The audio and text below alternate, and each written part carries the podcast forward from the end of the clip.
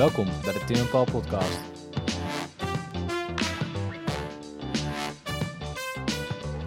Vandaag hebben we een Late Back History podcast. Een speciale editie over het Songfestival. Van Lenny Koer tot Duncan Lawrence. Hoe is het Songfestival uitgegroeid van een kneuterig feest der wansmaak naar de bloedserieuze edities van de afgelopen jaren? En gaan we nou eindelijk een keer winnen? Te gast zijn liefhebber Jolke Rozen en trouwjournalist Joris Belgers. Beide Songfestivalkenners ten top. We gaan het vandaag iets anders doen, Paul. Ja? We eh, gaan het vandaag over het Songfestival hebben. En misschien is het goed dat we onze gast even introduceren. Dat lijkt me een goed idee. Ik heb ook geen idee wie dit zijn namelijk. Nee, ehm, we hebben hier Jolke Rozen. En met Jolke moeten we beginnen. Want Jolke ehm, doet hele andere dingen in het dagelijks leven. Maar ik, Jolke is een goede vriend van mij. En hij heeft me heel erg, eh, ik heb, hij heeft heel erg veel indruk op mij gemaakt met zijn ongekende We Songfestival. hebben een expert hier aan Het is, en, het is een expert, ja.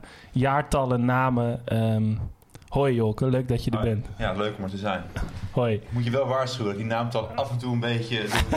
Maar dat jij vorig jaar dusdanig dronken was dat je alles als zoete koek accepteerde. Waar ik opeens hier zit als een songfestival kennen. Maar We nemen, we nemen, we nemen het mee. Ja. En ehm, de andere gast van vandaag is Joris Belgers. Ehm, Hoi. Hoi Joris. Hoi. Hij heeft jarenlang, mag ik dat zeggen, jarenlang? Nee, jarenlang, ik ben de vier, afgelopen vier jaar in elk geval aanwezig geweest, ja. Oké. Ja. Dus jij hebt ook gewoon bandjes gehad met je naam erop. Bandjes. Aanwezig, zo- aanwezig zo- waar? Uh, Aanwezig op het Eurovisie Songfestival voor, eh, voor Dagblad Trouw. In achtereenvolgens Wenen, Stockholm, Kiev en Lissabon. En daar heb ik eh, Een wereldreiziger hier. onverwacht, onverwacht de tijd van mijn leven gehad. Ik hoopte elk jaar dat Malta zou winnen of Cyprus. Want dat zijn echt plekken waar je normaal nooit komt. Ja. En die maken ook elk jaar wel kans. Maar jammer. Kiev was ook leuk. Oké. Ehm, misschien de allerbelangrijkste vraag. Hoe staan we ervoor bij de bookmakers, Joris? Heel erg goed, eh, Tim. Eh, onverwachts heel erg goed. Eh, want toen ik het nummer voor het eerst hoorde, vond ik hè, Arcade van Duncan Lawrence. Vond ik een goedkope Coldplay rip-off. En ik heb een enorme hekel aan Coldplay. Wie niet? dus ik dacht, dit gaat hem weer niet worden. En er komt er weer zo'n amateuristische clip bij. Maar gek genoeg eh, ja, was iedereen eigenlijk toch wel tamelijk enthousiast. Dus alles is relatief. Maar is het, Eh, is het dan, staan, eh, eh, ja, is, heeft het dan te maken met de kracht van onze inzending? Of is het het Nou, veld wat, wat zwakker is dit jaar? Nou, dat, daar kom ik zo op, denk ik. Ehm, ma- maar hij, de boekmakers, hij staat helemaal bovenaan. En al een tijdje ook. Ik heb het in de gaten gehouden. Eerst was het 4, 5, maar ze staan al een paar weken bovenaan. Voor elke euro die je nu op Dunk- Duncan Lawrence inzet, krijg je er eh, ja, ongeveer 2,5 à 3 terug. Afhankelijk van de wetkantoren. Tegen vergelijking, Rusland staat tweede. En dan krijg je voor elke euro eh 5, 5 euro terug. Het kan dus En verder loopt het nog veel sneller af. Nou ja, we, zijn, we hebben al gewonnen. We hebben al gewonnen. we hebben, al in de eigenlijk hebben we al gewonnen. Het is al in de tas. Eh, ja, ja, die boekmakers die zeggen eh, niet alles, maar wel wat. Is het ooit eerder voorgekomen dat we bovenaan stonden bij de bookmakers? Boah, niet in de recente geschiedenis. Eh, de, de Common Linnets die stonden best wel onderaan, lang. Eh, ja, echt. En die stoomden in die Songfestivalweken snel op. Maar die, maar die werden uiteindelijk eindigden die nog hoger dan de boekmakers hadden voorspeld. Ehm, ja, de afgelopen inzendingen waren allemaal rond de 15e, 20e plek eh, van Nederland dan. Maar is dat dus eigenlijk een argument dat die bookmakers niks zeggen? Nou, ze zeggen in zoverre wat dat er zit geld achter. Eh, en mensen zetten niet zomaar geld in. En het is ook een, het is een soort van, ehm, soort van exit poll ook wel. Hè? Want heel veel mensen die geld inzetten, die zetten toch geld in op hun favoriet. Dus het is gewoon een kleine representatie van het Er grotere ingezet, stemmen. Gewoon... De meeste mensen niet. Maar wat ook altijd zo is bij de bookmakers... iedereen heeft het nu over die, die toppers bij de bookmakers. En ook straks bij de Eurovisieweken. Iedereen let op Nederland en Rusland en Zwitserland en Italië en Zweden... die weer bovenaan staan. Ehm, en dat, dat zorgt ook voor een beetje wind in de rug. Dus als je eenmaal bovenaan staat, nu al zo lang... op alle blogs gaat het erover. Al die Eurovisie-fans zien dat. Die gaan allemaal die clip bekijken... en dan zien ze Duncan Lawrence in zijn blote billen... Ja, dat, dat, eh, dat is dus een andere reden waarom hij het zo goed doet. Maar, Nou, Joris, ja. maar Joris, ik, ik hoor dat je zegt dat je het eigen- eigenlijk een kutnummer vindt. Nou ja, vind, vond. Eh, Ik heb, ben een paar keer naar gaan luisteren, nog een keer. Het is toch eigenlijk wel, Nu is het- wel een nu lekker nu, nummer. ja, tuurlijk, Ja, nu is het gewoon een super Nou, lekker het nummer. heeft, het heeft toch wel, eh, het, het, het- het blijft wel... Ik was laatst in de Albert Heijn en er stond best wel een lekker nummer op. En ik dacht, kut, het is het Songfestival. Dat is trouwens altijd zo. Hè? Het, voor de dagen voor het Songfestival is in Albert Heijn niks anders te horen dan, Dan het het nummer song- van het Songfestival. Echt? Ja. In Zweden is het dat- hele jaar niks anders te horen dan nummers Ja, van dat het is ABBA. Songfestival. Dus toen we het jaar, het jaar met Sineke hadden, dat was genieten bij de, bij de appie. Als je fan van Sineke bent. Ja, ja. Ben jij fan En- van Sineke? Ik ben ook fan van Sineke. Want eigenlijk elke Nederlandse inzending, daar ben ik fan van. Maar wel de dark ages hè, van het Songfestival. Ja, want dat is ook wel een leuke vraag, jongens. Ehm, Uit historisch perspectief. Hoe is het zo hip geworden? Ja, dat is een grappige vraag. Ehm, in elk geval, hoe het in elk geval wat kwalitatiever... eh, want ik heb de kijkcijfers er ook nog even op nagedacht. Want iedereen zegt dat het nu veel populairder is dan in die jaren... dat, eh, dat eh, Joan Franca of Sineke meedeed met de verentooi van Oh ja, die verentooi, ja. Precies. Maar, Kan dat nog het maar werk het waren ongeveer- de kijkcijfers waren allemaal... Eigenlijk in Nederland zijn de afgelopen tien jaar wel een beetje gelijk. Dus dat is het niet. Maar waarom het zo hip is geworden, ja... We kunnen daar een heel... We eh, dragen een klein steentje bij. een hele culturele bespiegeling over de macht van de ironie en millennials en dat soort dingen overhouden. Daarom is het hip geworden. Maar waarom het kwalitatief een stuk... eh, de Avrotros heeft eh, een paar jaar geleden met, met, eh, met, met Anouk... en Anouk heeft het aangedurfd als eerste artiest van de A-categorie eigenlijk... om weer naar het Songfestival te gaan. Dat was in Ik Malmö. hoor je een sneer naar de toppers. Ja, dat is zeker een sneer naar de Is toppers. dit ook een sneer naar Shine? Dat is ook een sneer naar Shine. Dat vind ik Nee, ja, maar vanaf- Dat vanaf- is een heel lekker nummer. Maar vanaf eh, hè, Anouk, daar mag je ook van vinden wat je wilt. Maar dat is wel een artiest die wat meer echt een artiest en wat minder een circusartiest is, om het zo maar te zeggen. Zoals, zoals de toppers en Sineke. Met alle respect voor Sineke, Jokke. En niet voor de toppers. Sineke. En, dat, en, dat, en dat, dat Anouk dat aandurfde, had een aanzuigende werking op andere artiesten. Die zagen dat het eigenlijk, ja, die serieus bezig waren, die zagen dat het best wel een eh, groot podium was. Te kijken, ja, er wordt dan altijd geciteerd, gezegd eh 200 miljoen kijkers naar Europa in. Over de hele wereld. Over de hele wereld. Ja, dat is niet helemaal waar, maar goed. Ehm, het is inderdaad wel een groot podium. En je ziet ook dat de Common Linnets, die dan twee jaar later waren, Ilse de Lange. Ehm, of het jaar eigenlijk. Het jaar ja, daarna, het was het jaar daarna Ja. al, inderdaad. In, Kijk eh, Jolke even aan. Dat was het Ja. jaar daarna. Was het jaar ja, daarna, ja. Weet je nog welke stad ook, of niet? Common Linnets. Was dat in Stok? Nee. Denemarken. Kopenhagen. Kopenhagen. Is ja. bijna hetzelfde, toch? Ja. Stockholm of Kopenhagen. Afijn, eh Ilse de Lange had eigenlijk, die worstelt, eh, worstelt al hele carrière om buiten Nederland een beetje roem te vergaren. En in dat, eh, ze stond opeens met, eh, met dat nummer eh, overal op één in Europa. En ze stond hetzelfde jaar, stond, stonden nummers van de Common Linnets ook op een Amerikaanse country-verzamelaar. Ze was opeens opgevallen. Toen En is ook- Waylon wel... Nou ja, ja toen is Waylon ook... Toen is, nou ja, Douwe, Bob is, Douwe Bob is wakker geschud. O'Gene wilde groter worden dan wat ze waren. Maar waar, zagen- waar komt Duncan Lawrence dan vandaan? ja, dat is een hele goede toen vraag. Wie is dit? hoorde, dacht ik, wie is Duncan Lawrence? En volgens mij zei heel Nederland, wie is Duncan Lawrence? Klinkt heel Nederlands Ja, ook. dat is denk ik. Nou, ik nou, gelezen. nou komen we even in, in, in specu, gebied. Eh, er is, Dat er is top voor de Tim en Paul podcast. nou, kijk, het, het ging de afgelopen vijf jaar dus best wel goed met die A-artiesten. Eh, die, die, weet je, die, die moeten zich wel drie weken lang overleveren aan heel veel PR-dingen eh, in dat land daar, waar ze zijn. De Afrotros, en er komen allemaal verplichtingen met pers bij kijken, met internationale pers bij kijken. Niet iedereen heeft daar evenveel zin in. Diep interviews met, eh, met Joris Belgers. Ja, precies. En dan twintig, van, twintig Joorse Belgen zo achter elkaar op de rode Ja. lopen. Weet je wel. allemaal hele leuke vragen Hoe vinden we het hier in Ja. Kiev? Hoe vinden we gaat het nou hier? echt met u? How do you like it here? Ja, Dat, dat is ook nog een leuk journalist op het Songfestival. Nou goed. Eh, maar het afgelopen jaar was er iemand die daar niet per se heel erg veel zin in had. En die ging ook ruzie maken met... En Waylon ging ruzie maken met in elk geval de Nederlandse pers. Die reisde in zijn eigen bus. Eh, die sloot zich helemaal af voor de Afrotros-delegatie zelf. Die deed echt waar hij zelf zin in had. En ik denk dat de Afrotros... eh, dat, dat, ja, dat heb ik wel wat, ook wat achter de schermen gehoord. Dat is ze niet heel bijzonder goed bevallen. Ehm, en dat ze misschien ook nu weer voor een wat plooibaarder eh, iemand hebben gekozen dan zo'n, dan zo'n groot ego. Hè? Treintje Oosterhuis heeft ook een enorme ego. Anouk heeft een enorme ego. Dat is, In, en Waylon heeft echt een ego van hier tot Tokio. Duncan Lawrence is een lekker onbeschreven blad en daar kun je lekker mee doen wat je wil. En, eh, en hij, kan, hij schijnt wel goed te kunnen zingen. Want je hebt het liedje gehoord en je bent fan. Nou, Na drie keer luisteren. Dat is ook gewoon een soort slag bij hij, Stalingrad. hij, speelde, hij speelde gisteren zijn eerste en enige eh, echte eigen live concert. In het gisteravond. Op het moment van opnemen is dat dus, eh, wat is het gisteren, 1 mei? Ja? Ja. Ja.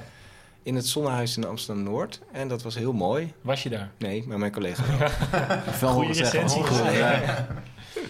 Maar dat is nog wel even een leuk dingetje. Eh, hoe werkt die selectie dan? Kan je solliciteren? Moet je gevraagd Kunnen Tim worden? en Paul meedoen? Ehm, wat ik, eh, eh, ja, hoe die selectie in zijn werk gaat. Er is een klein songfestivalcomité van, eh, van bekende mensen. Met Onder Cornald Maas. Cornald. Maas zit Vader erin. Abraham zit er nog Jan Smit zit erin. Shout-out Vader naar Abraham is er uitgezet. Nee, die zit er niet meer.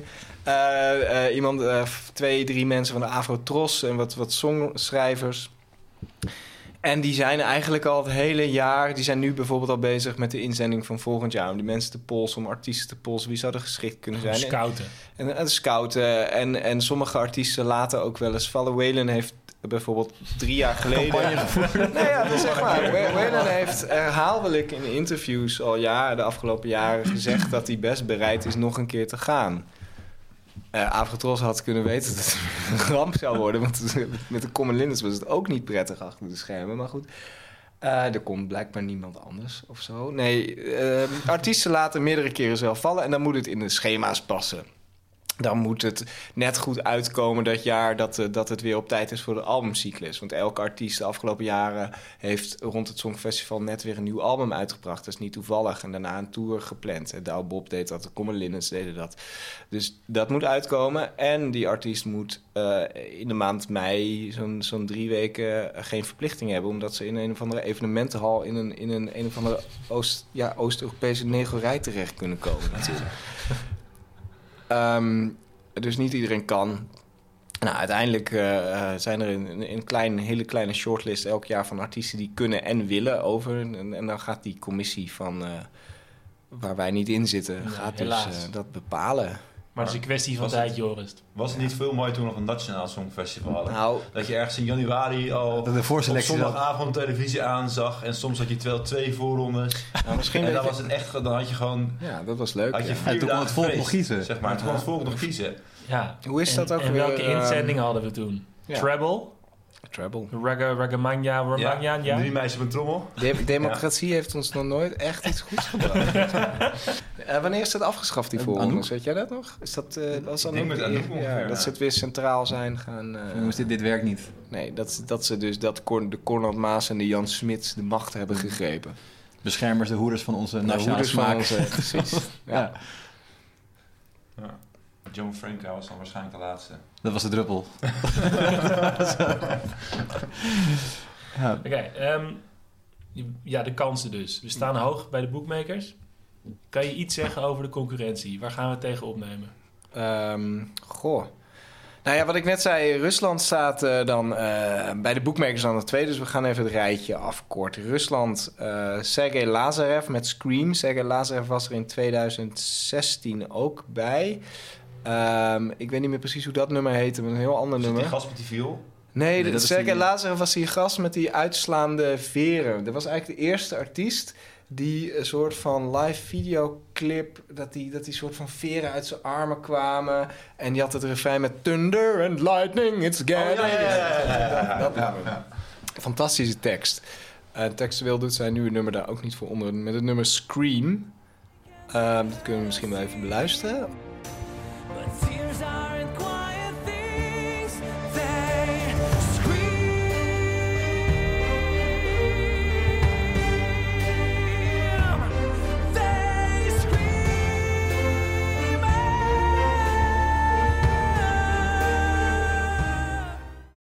Eh, ja, dat, eh, dat gaat weer voor spektakel zorgen. Maar ik denk de reden dat Rusland zo hoog staat... is vooral omdat Rusland historisch gezien altijd heel veel stemmen krijgt. Omdat er een A, nogal een flinke Russische diaspora is... gezien de geschiedenis natuurlijk van het land.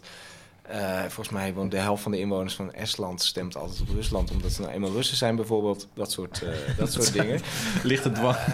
Dan zou Rusland elk jaar moeten winnen. Eh, Nou ja, tegelijkertijd, en dat is het leuke van Rusland, eh, eh, heeft, hebben ook heel veel landen een teringhekel. ja. Dat met die Krim, maar Ja. Oekraïne gaat ze nooit douze points meer geven. Nee. Ook, en daar wonen ook veel Russen. Dus elk jaar eindigen ze rond de plek 3, 4, 5. Nou, ik weet nog dat, eh, hoe heette dat meisje ook weer met die 10.000 voices. Dat had ik wel echt mooi gevonden als die had gewonnen. Dat was een mooi nummer. Die Oekraïnse inzending. Eh, in Wenen was het 10.000 voices. Laten we dit ook even citeren, jongens. Eh, op eh, nummer drie hebben we een onbegrijpelijke favoriet. Dat is eh, Luca Henny eh, met She Got Me Uit? uit Zwitserland. Ehm, ja, ik weet het niet hoor. Het is een hele vieze tekst. Het is een knijterharde disco beat die wel lekker blijft hangen. Dat is toch gewoon de essentie Ja, van, maar van eh, het is echt niet echt in, Niet dit, meer. in Niet dit... meer, sorry. Nu is het serieus. Gitaartjes en sombere mensen. Outlaws. We kunnen wel even naar het refrein. When she go low, when she go low, she goes solo, she goes solo. Oh, she know, oh, oh, she know, she got me dirty dancing. When she go low, when she go low, she goes solo, she goes Dat was echt heel vies. Nou, ik ga vanavond douchen met groene zeep. Dat was eh, Wauw. heel smerig. Ehm, een van de favorieten uit Italië is, is eh, Mahmoud. Ehm, ja, hij is Italiaans-Egyptisch. En hij zingt over soldi, geld. En in dat nummer zit wel ook een korte bridge in het Arabisch. Ehm, maar het is echt... Dit is, 2019. dit is best een lekker nummer. Er zit een lekkere, donkere, moderne groove in.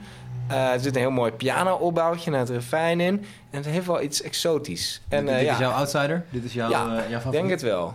Amore ma era altro Beve champagne sotto Ramadan Alla tv danno Jackie Chan Fuma narghile, mi chiede come va Mi chiede come va, come va, come va Sai già come va, come va, come va Penso più veloce per capire se domani tu mi fregherai Non ho tempo per chiarire perché solo ora so cosa sei È difficile stare al mondo quando perdi l'orgoglio. Lasci casa in un giorno, tu dimmi se pensavi solo ai soldi.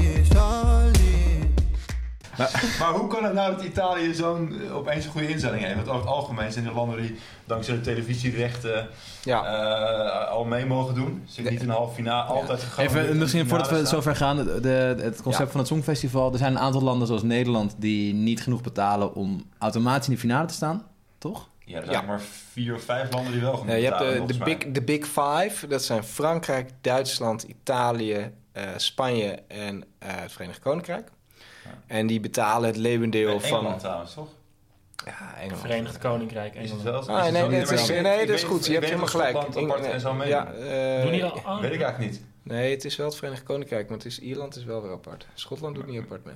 Nee. En Wales Ierland is volgens mij ook niet het Verenigd Koninkrijk. Anyhow, de, Ah, fijn. de, De grote vijf Wat dus. eh, problemen mee. die betalen, eh, Ja, de die betalen Dat is een andere podcast. Die betalen van oudsher het leeuwendeel inderdaad van de begroting van, van de EBU, van de, de koepelorganisatie die het Songfestival organiseert. En in ruil daarvoor mogen ze automatisch door naar de finale. Want de meeste mensen kijken natuurlijk naar de finale. En het zou lullig zijn als je superveel betaalt, maar je land niet eens meedoet. Maar waarom betalen zij zoveel? Is er een nationaal belang of is het gewoon willekeur? Ehm, ik denk omdat een omroep een wat grotere begroting hebben dan Malta of San. Marino Ja. of Nederland. Ja, nou, het is wel zo dat de Afrotros natuurlijk een enorm probleem heeft als er ook gaat gebeuren wat we allemaal hopen dat er gaat gebeuren. Als ze het hier moeten gaan hosten. Ja, Nou, Ja. ik zag al trouwens op internet dat zowel de Ziggo Dome als iets anders Klopt, een ja. soort van voorzetje hadden genomen en elkaar al de wind uit de zeilen aan het houden waren van Eh, wij willen organiseren. Dat is nog wel een interessant zijpad. Die eh, Eurovisie-organisatie is, eh, heeft nu al gesprekken met eigenlijk alle landen die, ze, die we net hebben genoemd. Over het draaiboek, over wat als. Want er moet gewoon binnen, ja, want er Ja. moet binnen een, een jaar moet er echt een enorm festijn uit de grond worden gestampt.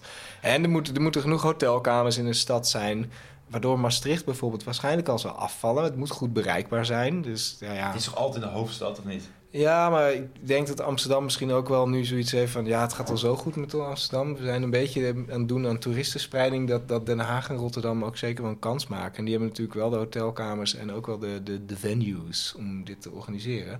Alleen zo'n venue moet ook weer drie weken helemaal gereserveerd zijn... voor het Eurovisie Songfestival. En ik heb niet naar de agenda van de Ziggo Dome ja. begin mei... maar heel veel artiesten toeren dan ook gewoon. Ja. En die willen dan gewoon de Ziggo Dome. Dus En, volgend jaar in Ahoy met z'n allen. en ik denk ook dat, dag Rotterdam. dat eh, Ziggo Dome ook te duur is. om- Ja, ik weet niet.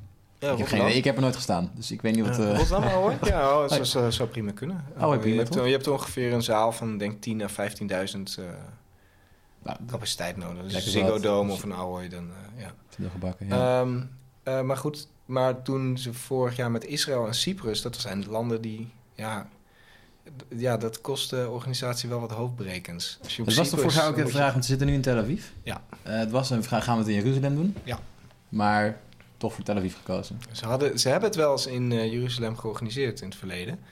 Ehm, ik denk, ik weet niet precies waarom er voor Tel Aviv is gekozen. Ik denk om bepaalde ja. politieke redenen en dat het een wat, wat gezelligere uitgaansstad is op dit moment dan Jeruzalem. Maar dat was wel een leuk dingetje. Dat Netta natuurlijk meteen, dat, ik vond het meteen al heel grappig toen zij eh, die speech aan het eind. ehm, ja, ze riep iets over het Eurovisie Songfestival als, als feest van vrede en verdraagzaamheid. En daarna I love my country, Israel, eh, see you next year in Jerusalem. Dat was al een beetje, ja, dat, dat eh, botst misschien ook een beetje met elkaar. Nou, dan hebben we Zweden. Zweden is eigenlijk ook altijd wel sterk. Ehm, en die sturen nu John Lundvik met een eh, soort van eh, heel, heel aalglad gospel eh, popnummer. Ook, Love. toch? Typisch Zweeds. Ja, daar kiezen ze wel een beetje een andere weg. Want de laatste jaren hadden ze een beetje dat, dat hitlijstenpop dat- wat ze zelf groot hebben gemaakt. En nu is het wel wat, ehm, wat akoestische. Ik vind het wel een lekker nummer, maar het is ook een beetje saai en een beetje glad. Maar hij kan wel enorm goed zingen. En dat gospelkoortje op de achtergrond op band, ja, dat kan niet misgaan natuurlijk. I could be the sun that lights your dark. Maybe I will lit your world with just one spark. I could make it burn for you and me. If I could be there, I will be there. Hear me, I could be the sun that lights your dark.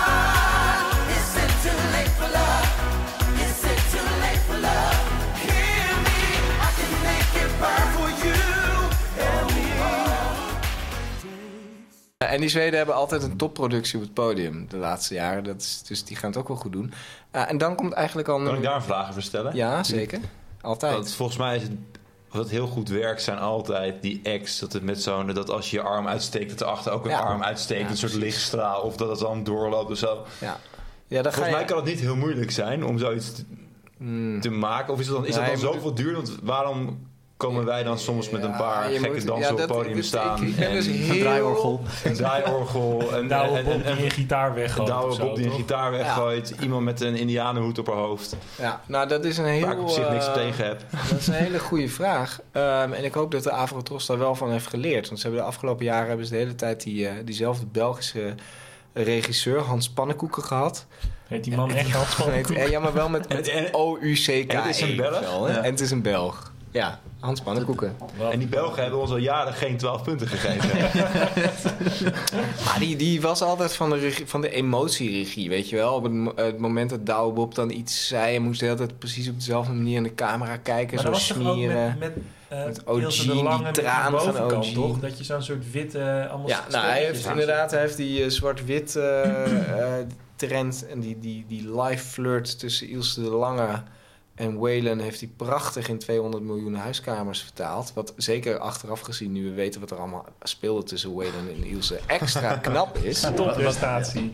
Topprestatie. Wat, wat speelde er toen namelijk? Nou, die, die, hadden, die waren eigenlijk al uit elkaar toen, als, als, als zakelijk koppel. Want Waylon eiste meer invloed en eh, inspraak op alles. Op wat voor hoed hij op mocht. En Ilse zei, dikke speer, dit is mijn project. En jij bent een soort van... Jij speelt gitaar hier. Nou ja, Jij bent een jongetje in mijn... eh, dat, jullie weten, jullie kunnen nog eh, even, even terug in de geschiedenis. Eh, de, de, de hashtag, er was een, een hele nieuwsluwe dag in juni... waar de hashtag waar is Waylon trending was. Mhm. toch? Van Ja. Ja. Weet je dat nog? Ja, wat was dat? Hij was kwijt. was op een gegeven moment... De Telegraaf had een bericht van... waar is Waylon? Want hij was al een, een maand niet in de publiciteit geweest of zo. En Ilse de Lange had al een paar optredens eh, Maar dat was gedaan. daarna. Ja, Ja, ja, die maand na het ja. Songfestival.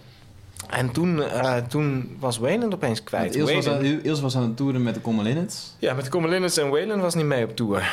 Eh, zij, haar plek was ingenomen door die, eh, door, die, door die andere songschrijver, eh, gitarist, wiens naam ik even niet... Bekende J.B. Meijers. Dat Ja, is dat is J.B. Meijers, dankjewel, Tim. Alsjeblieft, alsjeblieft Joris. Ehm, en dat was niet Waylon. Waylon lag gewoon thuis op de bank niks te doen. Eh, maar iedereen... Ja, was, Outlaw lifestyle. maar er was niks Maar dat aan. was hij toen nog niet. Nou ja, of hij was weer clean, ik weet het allemaal niet. Maar hij was, eh, hij was opeens weg. En toen bleek opeens dat ze eigenlijk... Dat, dat Ilse zei toen dat het een, eh, een project van altijd al. De Commelinders was nooit een, een tweemansproject geweest, maar een band met verschillende gastmuzikanten, zoals er nog een Amerikaan en J.B. Meijers, waarmee zij dan met haar band. Hè? En Waylon sprak daar tegen en dat bleek dus dat ze echt al eh, slaande ruzie hebben gehad op dat songfestival eh, in, in, ehm, in, in Kopenhagen. Maar daar was niks van te zien. Maar er was op het podium niks, Niks van te van te zien. zien. En toen heeft de avond... Toch mooi tweede geworden. Ja. Precies, en Ja. toen heeft de Avrotros dus de hele tijd Hans Pannenkoek maar weer teruggevraagd. Maar Hans Pannenkoek is wel een beetje ja, van de conservatieve, echte menselijke emotie. Terwijl je, terwijl je gewoon vuurwerk wil en, en mooie emotie. graphics. En, Mooie en graphics, fluff, dat mooie graphics. En, en wat mij eh, nog altijd bijstaat was een Poolse inzending over samenstelling gesproken. Van een blonde, blonde dame die Ja. boter aan het karnen was. Weten oh, jullie dat ja, nog? dat was dat niet ook in Ween? Ja, ja, dat was heel raar. Dat, dat, dat zijn een beetje de freakshows. Ja. Die mis ik wel een beetje. Hebben we dit jaar nog freakshows? Ja, want dan komen we, dat is goed dat je dit vraagt, dan komen we eigenlijk op eh, nummer 6 bij de bookmakers. En dat is eigenlijk ook meteen bewijs eh, hoe, hoe eh, bedroevend laag, vind ik persoonlijk, het muzikaal, het niveau dit, jaar. is. En we moeten het eigenlijk even horen om te geloven.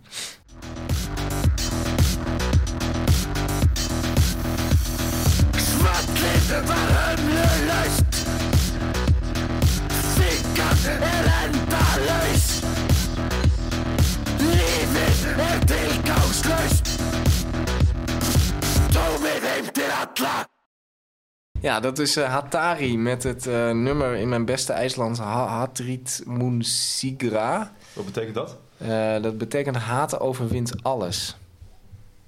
Wel, Ja, een, wel een mooie boodschap. nou en eh, die, Wel vernieuwend. eh, die hele, ze zingen, nooit, eh, nooit het, het is een soort van, eh, het is een soort van eh, electro, clash, grunt, techno, rare SM, p- eh, porno, kunstenaarscollectief uit Reykjavik. Ja, het is heel gezellig in Reykjavik. Klinkt als jou? Als mijn donderdagavond. Als jouw donderdagavond. Ehm, Hmm. En zij, eh, zij hebben, ja, of ze nemen het niet zo serieus.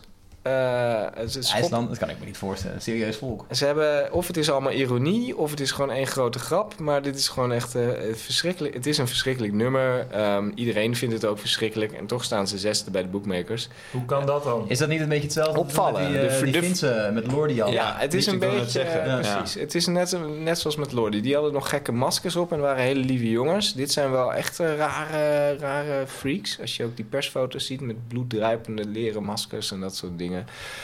Eh, en de teksten is iets van dat de haat, eh, haat alles overwint en dat we allemaal doodgaan en dat alles eindig is en dat iedereen kut is. Maar het leuke van deze band eh, is dat ze een leuke weddenschap. Ze hebben Netanyahu, en dat is ook wel bijzonder. ze hebben Netanyahu opgeroepen tot een potje worstelen. en jouw ex-Mossad. en als, ja, en als Netanyahu wint, dan, dan mogen ze een paar kleine eilandjes voor de kust van IJsland mogen ze hebben, de Israëli's. En als die band dan wint, zou, zou Netanyahu eh, de, de Westbank met rust moeten laten. Zoiets was het. Op zich niet een hele evenredige Nee, ik denk, ik, denk, ik denk ook eerlijk gezegd niet dat Bibi daarop ingaat. Ehm, maar het is wel al eh, tekenend dat deze band ook meteen eh, ja, de gevoeligheden, hè, Israël, Ja. aan, aanstipt. En dat mag eigenlijk niet op het Er, Songfestival. geen, er is geen ruimte voor politieke statements. Nee, artiesten zijn echt compleet platgeslagen, gemediatrained. En het is heel moeilijk om daar eh, een politiek statement eh, over homorechten, over mensenrechten, over nou, de politieke situatie in Nagorno-Karabakh. Want alles is mooi en alles is lief en we hebben er allemaal echt super veel zin in. En ik maak hier zoveel nieuwe vrienden. En dat is, het, dat is voor journalisten dus ook af en toe gewoon een beetje vermoeiend. Was er niet een goed verhaal over een meisje in een rolstoel? Rusland of Oekraïne of zo? Ja. Ja, dan komen we op dat verhaal. Eh, dat is het, het, het, eh, het Rusland-Oekraïne verhaal. Oekraïne doet dit jaar niet mee. Had je dat al gehoord? Ik heb het in de wandelgangen vernomen, maar ik was me er niet zo bewust van. Zoals ik net al zei, eh, ik kijk in principe alleen maar de show. Ja. ik laat me verrassen, ik laat het over me heen komen. Het is drie uur feest. ja. Eh Het- het- plus de halve finale natuurlijk, het is drie dagen feest. maar vind jij dan, Joke, dat, dat er inderdaad dat er op het Eurovisie Songfestival geen, geen plek moet zijn voor politiek? Ja, ik ben daar stil van. Ehm, ja, ik heb, dat weet ik niet. Het mag voor mij prima van wel. Ehm, maar het, ik snap wel ook wel dat ze zeggen dat het gaat om het feest. Ja, maar is dat niet een beetje hypocriet? Ja, eh, Natuurlijk is het hypocriet, maar Het is, het is een enorm podium. Ik En, heb juist het idee dat, het wel, dat er wel statements zijn. Ja, die, de- die chick met die baard, Chick met die baard was een statement. toch? Laten we het geen chick met een baard noemen. Nee, gewoon- maar goed, ja, als, als in, worst. gewoon een statement. eh, eh, kijk, er, er gebeurt al. eh, ik had nog nooit van Nagorno. Hebben jullie wel eens van Nagorno-Karabakh Ik gehoord? lig er elke avond wakker van. Ja. ja. Ja, het schijnt een, een disputed territory tussen, tussen Albanië, nee, niet Albanië. Azerbeidzjan, Azerbeidzjan en, eh, en Armenië te zijn. En Nog er wordt- een- Nagorno-Karabakh is een stukje gebied waar eh Azerbeidzjan en Armenië al jarenlang ruzie over maken. En er worden al altijd worden vlaggen mee naar binnen gesmokkeld. En die worden dan gewapperd als de camera op het publiek staat. Weet Bij het Songfestival. Bij het Songfestival, dat mag niet, want je mag geen vlaggen naar binnen smokkelen. Eh, van, eh, eh, eh, geen politieke vlaggen, geen politieke stand, stand. Je mag wel je vlag van het land wat je vlag. aanmoedigen, maar je mag geen, niet dit soort je vlaggen. kan Je, mag bijvoorbeeld ook vlag kunnen. Ja. de Catalaanse vlag kan niet, Friesland. eh, de Friesvlag mag niet, eh, de Baskisch vlag mag niet. eh, Waar komt Palest- Lawrence vandaan? Palestijnse Ja. vlag, ja, jongens, de Palestijnse vlag. ja, die gaat zeker weten naar binnen gesmokkeld worden. En die gaan we zeker zien wapperen. En dan is er een... eh, er, zit, er zit vijf seconden vertraging op, hè. Dat Je gaat toch niet zien wapperen, je komt niet in Je beeld. hebt, eh, je hebt een regiekamer eh, en eh, de hele uitzending wordt, is wel live, maar er zit wel vijf of tien seconden vertraging op, zodat ze gewoon de regisseur snel kan inspringen als er gekke dingen gebeuren. En ik heb, eh, was het nou twee jaar geleden, toen, wanneer won Jamala? Drie jaar geleden. Toen dat, dat er iemand op het podium Ja, klom was iemand. en zijn broeken naar beneden trok. En dat Ja. is vorig jaar is dat weer zoiets gebeurd. Eh, en er heeft toen ook nog trouwens eh, tijdens het uitdelen van de punten heeft het hoofd van de Israëlische televisie een statement gemaakt. Want eh, de Israëlische overheid had.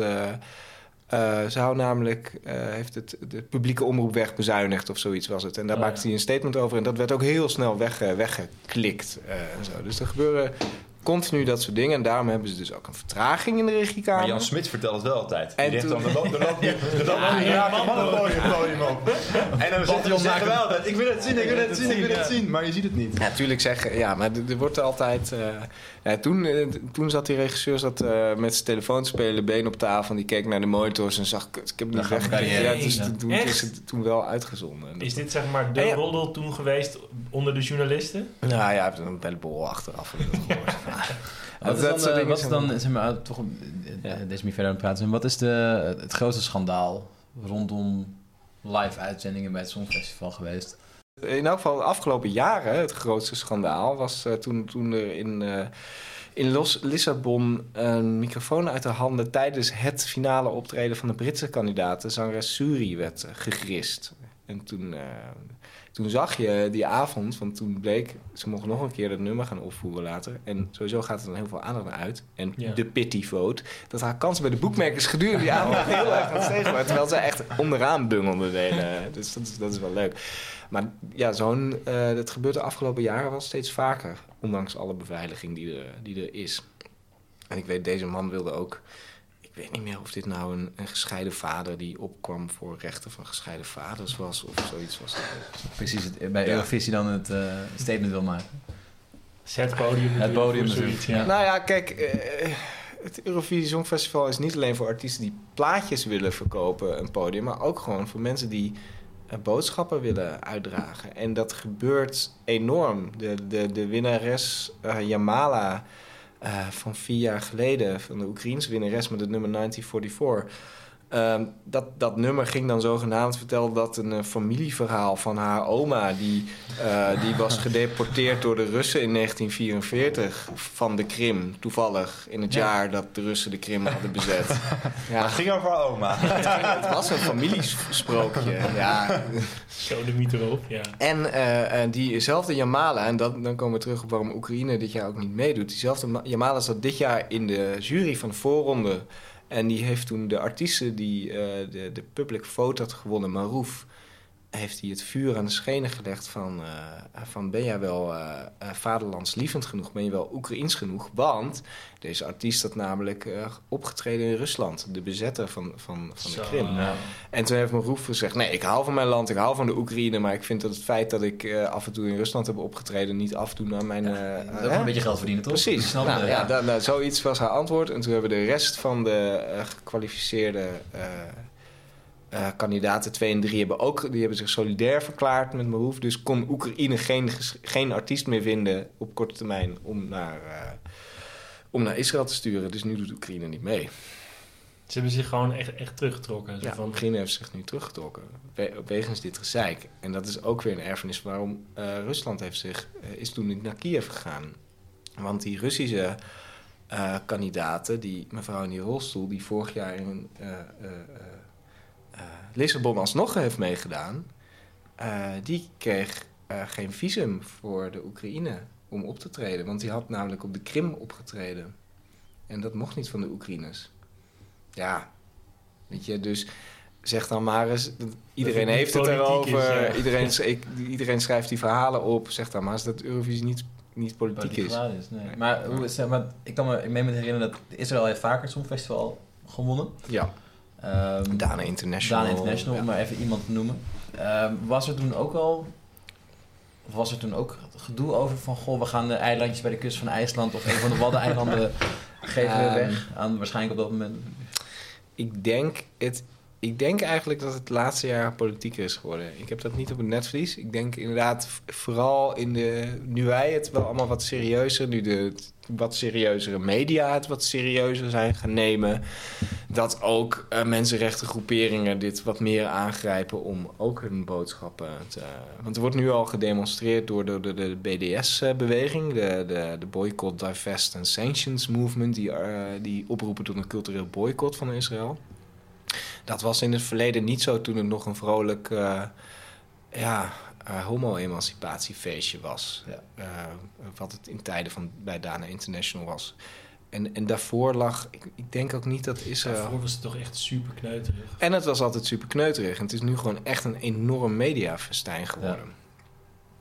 Ehm, dus ik weet, ik weet niet zo goed of er in de jaren 80, het was met 79, 1980 of zo, dat Israël ook twee keer achter elkaar won. Of daar net zoveel ja, gedoe om was.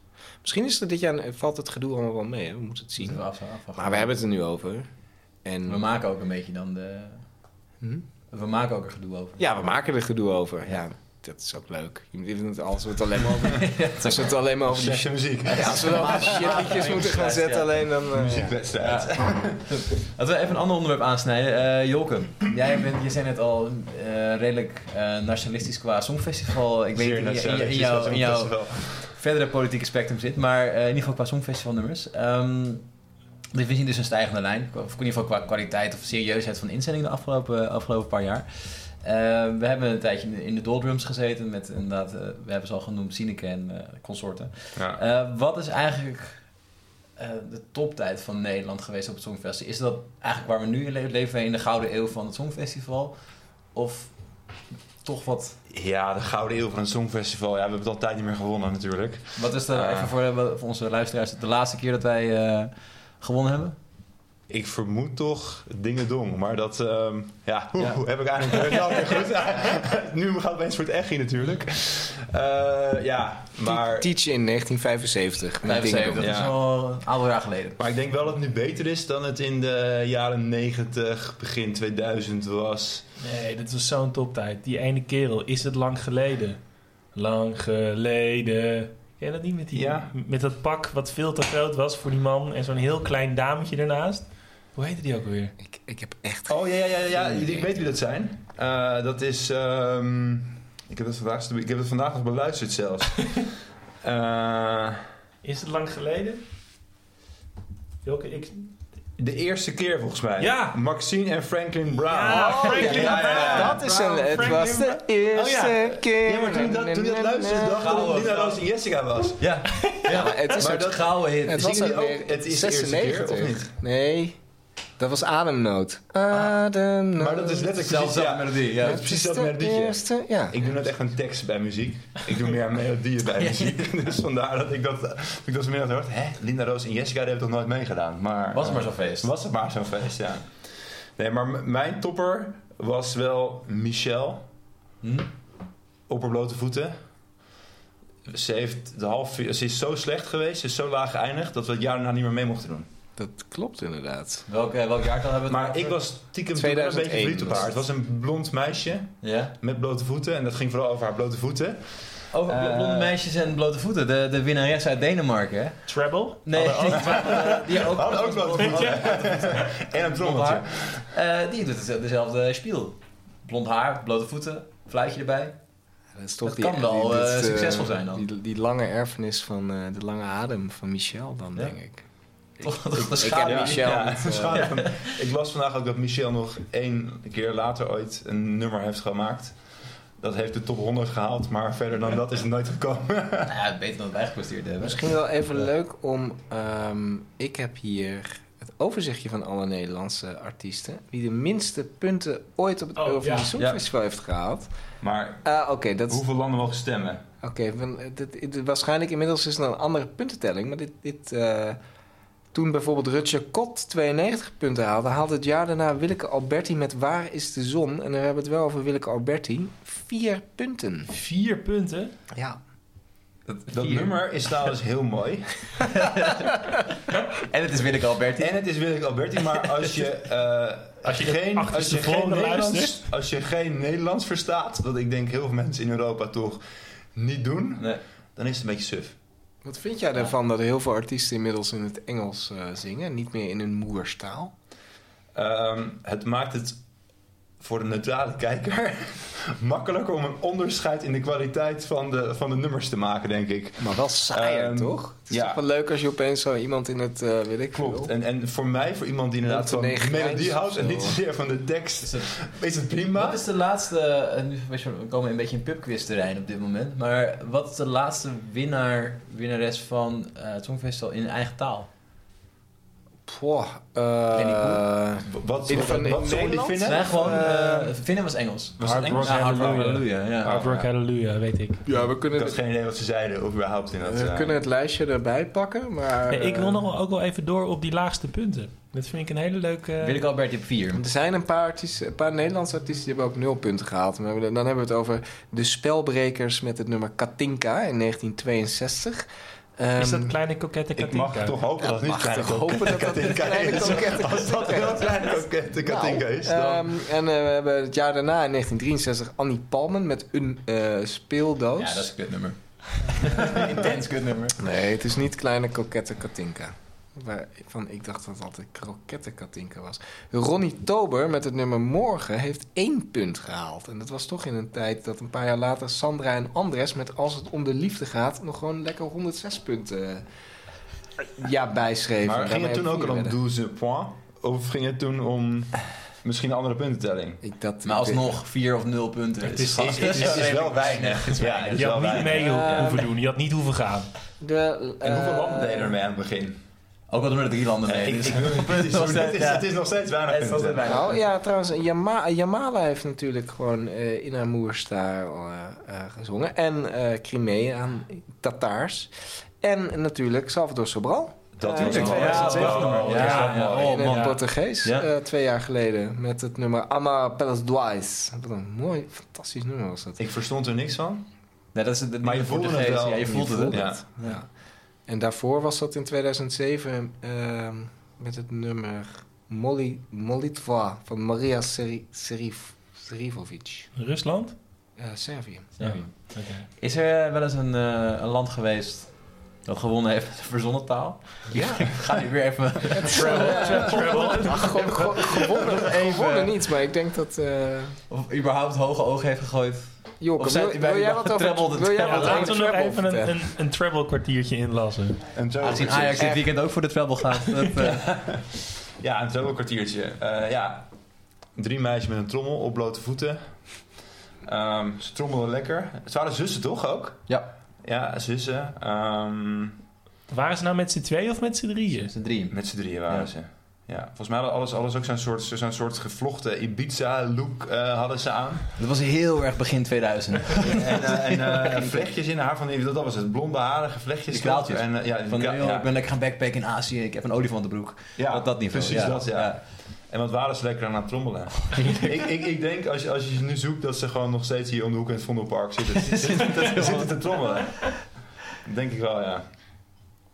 Dus ja, eh, ja ik, ik zou er nog veel meer over kunnen vertellen, maar ik weet niet of de luisteraar er blij van wordt natuurlijk. Nou, ik denk dat we gewoon even een stukje moeten luisteren. Ja, we gaan toch even een stukje Ja, luisteren. een stukje luisteren, ja.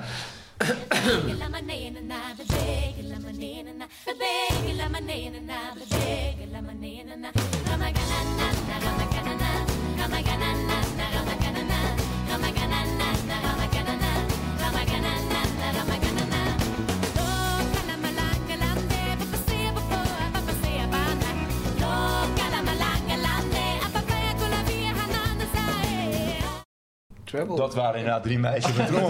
dat is prachtig. Ja. Nou, ik vind het wel leuk om te weten, wat, eh, wat eh, is jullie favoriete eh, inzending ooit geweest? Nou, dat is een goede vraag. Daar heb ik wel een duidelijk antwoord op. Ehm, na eh, de Common Linnets, hebben jaar, daarna, Nederlandse inzending. Überhaupt. het jaar daarna kwam Estonia. Hm? En die dachten, Ja. dat kunnen wij ook. En eh, dat dachten ze letterlijk. Maar dat was echt en een ze, lekker ze, ze zochten hoor. zeg maar de, ehm, de, de, de, de, ja, de, de, de lokale Whalen Hm. en de lokale Ilse Lange. Die was niet blond, maar die had donker haar. En ik eh, stapte van, vanmiddag op de fiets eh, naar kantoor naar huis. Ik dacht, hoe heette dat nummer ook alweer? En opeens had ik het. Say Goodbye to Yesterday. Van Elina Born en Stiek Resta. Ja. Dat was echt een lekker En dat nummer. is echt een lekker nummer. Gewoon, Die werden nog vierde ja, volgens die mij. eindigde of zo. best hoog, maar van mij hadden ze mogen winnen. Eh, en het is het enige nummer dat ik zo heel af en toe nog wel eens... ehm, ja, als ik aan het Eurovisie Songfestival denk, dan nog eens even aanzet. Lekker. En het is letterlijk een copycat. Ja, het is jammer dat we geen beeld hebben aan een podcast natuurlijk.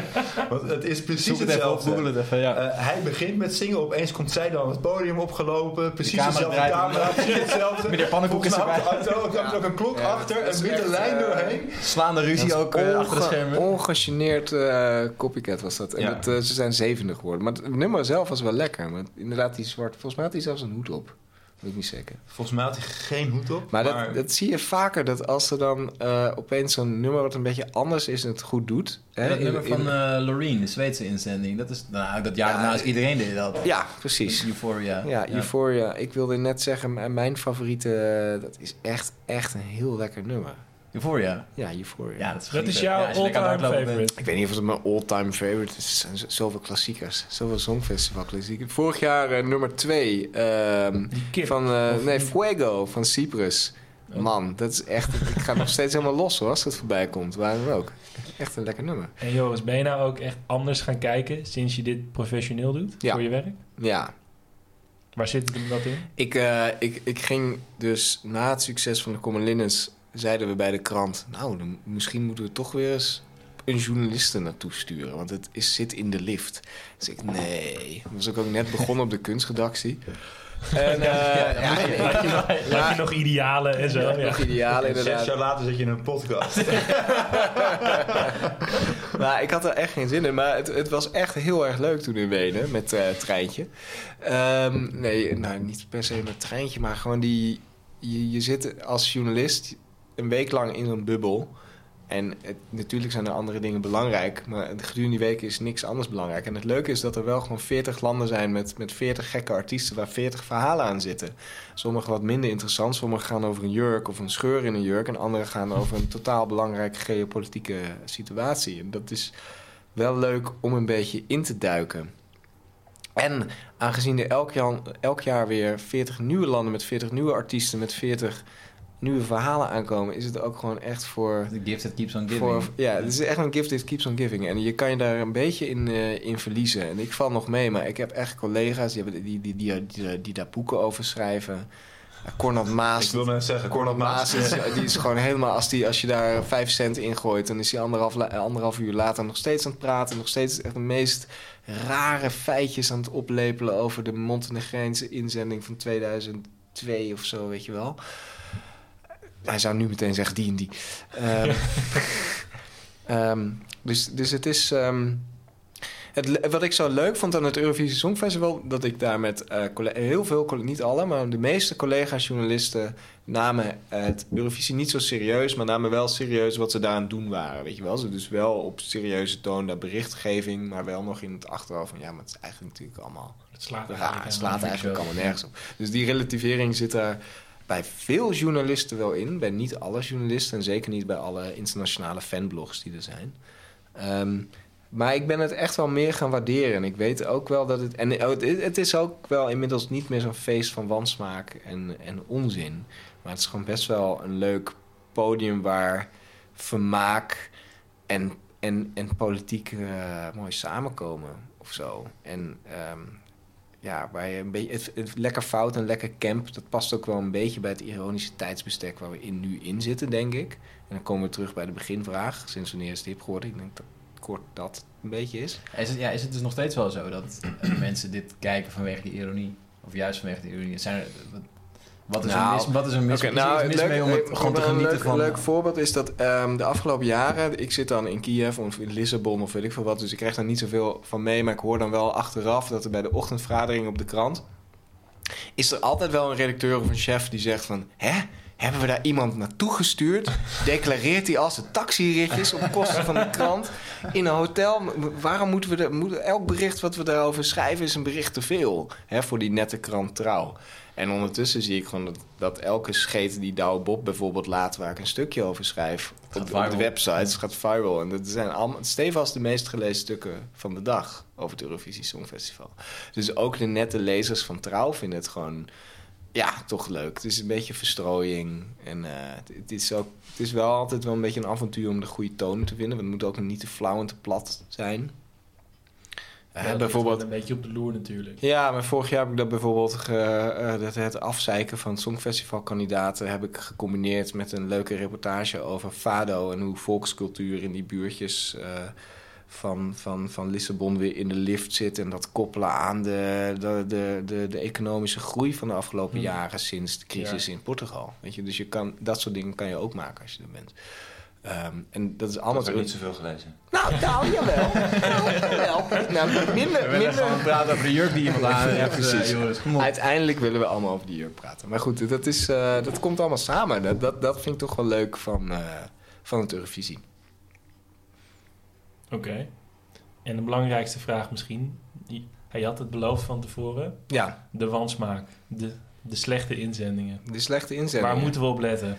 Eh, dit jaar, nou ja, dus, dus, dus op Hatari, eh, IJsland inderdaad. Eh, er is nog een, wat ik een heel slecht nummer vind. En dat is typisch, dat is Spirit in the Sky van Keino.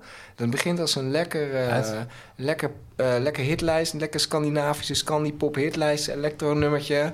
En dan komt er opeens een etnische gast keihard doorheen zingen in het, in het refrein. En dan denk ik dan, what were you thinking, man? Het is echt verschrikkelijk. Wat ook, waar we ook op moeten letten is de, de San... Is dat de San Marino? Ja, dat is Serhat. Ehm, die heb ik ooit eens in mijn recensie eh, omschreven als eh, de man met hoed en snor die je in een klein donker San Marinees steegje echt niet wil tegenkomen. Want die heeft een kriebelsnor. En Was dat die man kriebel- die een beetje Gigi Agostino leek? ja, nee, hij, hij staat als een soort van hele foute nachtclubdanser uit een, film, uit een pornofilm uit de jaren 70 staat hij op het podium. Lijkt ze een beetje Gigi En die, staat ook echt eh, die staat er heel troosteloos onderaan bij de bookmakers. Serrat met Senana. Na. Het Uit is welk land kwam dit? San, San Marino. San Marino. Het, is, het is helemaal kut.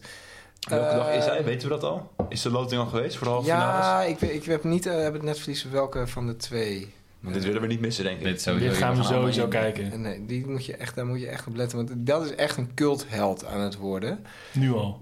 Ja. Hoe vaak heeft hij al Het is nog meegedaan? niet eens begonnen. Eén of twee keer al. Oké. En je hebt er meer van die Songfestival-veterans. Sergej Lazarev heeft dus al een keer meegedaan. Die staat dan weer hoog. Maar je hebt ook de Hongaarse Josie Papai met Adenapam. Ja, mijn collega eh, van de krant vindt het echt een heel lekker nummer. Maar het is, het is echt eh wansmaak. Het is, eh, het is zo'n etnisch, etnisch meets opera meets... Ja, en al die songfestival-clichés komen ook vaak weer terug bij die nummers. Hè, het, etnische, het etnisch trommeltje, bijvoorbeeld. Van Travel bijvoorbeeld. Ja. er staat er dan iemand playback te trommelen op zo'n Dat was een. Thaise Ja, trommel. allemaal- Man, man, man. Ja, de Israëlische Kobi Marimi met Home. Die kunnen we ook wel afschrijven. Dus ook leuk om op te letten. Die speelt een thuiswedstrijd. Ja, het speelt En wel een Nederlands nummer ook thuiswedstrijd. home. Hey. Ja, scherp. Maar nog even een andere vraag, hè. Waarom doet Israël in vredesnaam mee aan het Eurovisie Songfestival? Een betere vraag. Waarom Australië Australië er mee aan? het Eurovisie Songfestival? Eh, ja, er, er wordt dan gezegd dat zowel de Australiërs... De Australiërs zijn gewoon super fan. Die hebben echt... eh, die, hebben, ja, die, die wilden... Dan mag je meedoen. Nee, dat is, dat is eh, vier jaar geleden gebeurd in Australië. De, toen eh, bij de 60ste editie van het Eurovisie Songfestival in, in, eh, in Wenen. Wilde Australië heel graag meedoen. Ehm, want dat vonden ze leuk. Dan kunnen ze dat, want er zitten echt... De kijkdichtheid in Australië, ook al wordt het echt om drie uur s'nachts uitgezonden, is super hoog. De- de- de- al die mensen zijn allemaal eh, fan van het Eurovisie Songfestival, gek genoeg. Eh, dus, dus heeft Eurovisie toen gevraagd: willen jullie meedoen als een leuke speciale gimmick voor de 60ste keer? En dat beviel ze zo goed dat ze elk jaar Maar- een, eh, een eh, delegatie sturen. Ja, ze hebben wat het afgelopen er ze altijd winnen? goed gedaan. Ja, stuurt Tame Impala, je wint. Nee, En dan, dan, het eh, schijnt het, schijnt het eh, Duitsland te worden. Eh, waar ze het gaan organiseren. Duitsland? Ja, want, Ah, ja, we gaan er niet... eh, we Met z'n allen lekker met z'n allen naar Sydney, toch? Want, uh, jij die- ook een snoepreisje maken? eh, eh, het- eh, Noord-Macedonië of de Albaanse delegatie kan, het echt, kan, kan die tickets helemaal niet betalen. nee, dat is gewoon zo. De omroepbegroting is niet toereikend om een hotel in Sydney te gaan boeken voor Dan legt de. BBC toch wat bij. Ja. Of de Australische broadcast, ik weet niet hoe die heette. Maar... Nee, ehm, eh, de, het, wordt voor, het, wordt of in Engeland of in Duitsland georganiseerd, mocht Australië winnen inderdaad. Maar de vraag is Maar nog de- niet ja, beantwoord. precies. De vraag is niet beantwoord. Eh er wordt dan gezegd omdat zij cultureel eh, bij Europa Ja, horen. wil het ook in de, In de voetbal doen ze ook mee, toch? voetballerij, Ja, zit ze er ook Ja. bij. Maar het, het echte eerlijke antwoord is dat de EBU gewoon zoveel mogelijk kijkers wil. En de EBU is nu ook... Ze hebben Madonna nu hè, in de, in de halftime show. Een paar jaar geleden hadden ze Justin Timberlake. Dat was echt zo'n De degradatie voor alle Ja, dat was deelnemers. Ja. Dat Ja. was echt al die deelnemers. En toen kwam Justin Timberlake en die zette daar een show Ik ga even laten zien hoe het moet, jongens. En dat ik echt ieder mensen kijken, oké, ja, Ja, dit nee, is wel echt... Je zal maar dan de eerste zijn na de halftime show. Ja, Ja. Gaan we er maar aan staan. Nou, Nee, is het- Madonna en nu ben jij. Het is, niet, Het is de, de het. puntentellingshow Ah, is ja. het, zeg maar. Eh, en nu komt dan Madonna. En dat is niet omdat, dat, omdat ze dat leuk vinden. Het kost ook een aardige duit. Eh, maar omdat ze een Amerikaans publiek willen trekken. Want Mm. dat zijn ook kijkers. En daar heb je Madonna voor nodig. Is dat serieus waarom Madonna Ja, komt? ja, het wordt, eh, nou ja... Maar wie zit daar dan? Op te wachten. Ja, en ook waarom de, Madonna? de, de Amerikaanse gay community. Mm. Maar kan je en niet- zelfs de Chinese gay... Het wordt ook in China uitgezonden sinds twee, drie jaar, als maar ik het Madonna goed is heb. toch helemaal niet meer hip? Nou ja, het is, Wel het is een grotere naam dan, eh dan eh Shrubroek uit Armenië. Oké. Dus ja, Niks te nadelen van Subroek uit Armenië. Ja, het is anders wel een leuk liedje hoor. Van Shrubroek. Laten we hem even inzetten. Alright jongens, bedankt. ja Bedankt voor de, voor de tijd en de kennis en de feitjes, joh. Waar, ga je, Bijna weinig leuks verteld. waar ga jij kijken, Jolke? Ja, eh, er zou dus op de locatie waar deze podcast ook opgenomen wordt... een songfestivalfeest Const en zijn. Huigenstraat. Const en Huigenstraat. Dat kunnen we eigenlijk nog steeds laten doen... want het schijnt dat de bewoners niet thuis zijn. Kaas deze streefkerk. podcast. Eh, dus ja, ik denk hier. Ja, lachen. Zie- Eh, zie ik, neem jij pils? Iedereen is welkom. Paul, kom jij ook? Ik ben er zeker bij. Ik ga hier niet meer weg. Tim, Ja jongens, eh, ik niet, maar geniet. Misschien moeten we toch een beamertje regelen. en een paar goede geluidsboxen, want dat is natuurlijk het allerbelangrijkste. Als eh, als we toch over geluidsboxen, we gaan het laatste nummer instarten dan, denk ik. Ja, Als afscheid. Ehm, waar gaan, wat was het allerlaatste nummer, het aller- allermooiste songfestival? Je, had, je had net, had net Euphoria. En jij had jouw nummer 2 uit Duncan Lawrence. Duncan Lawrence. Ja, laat- Duncan Duncan Lawrence, nummer Ja. ooit. shout-out naar Duncan. Duncan Lawrence, succes man. Je kan het. Succes, Duncan! In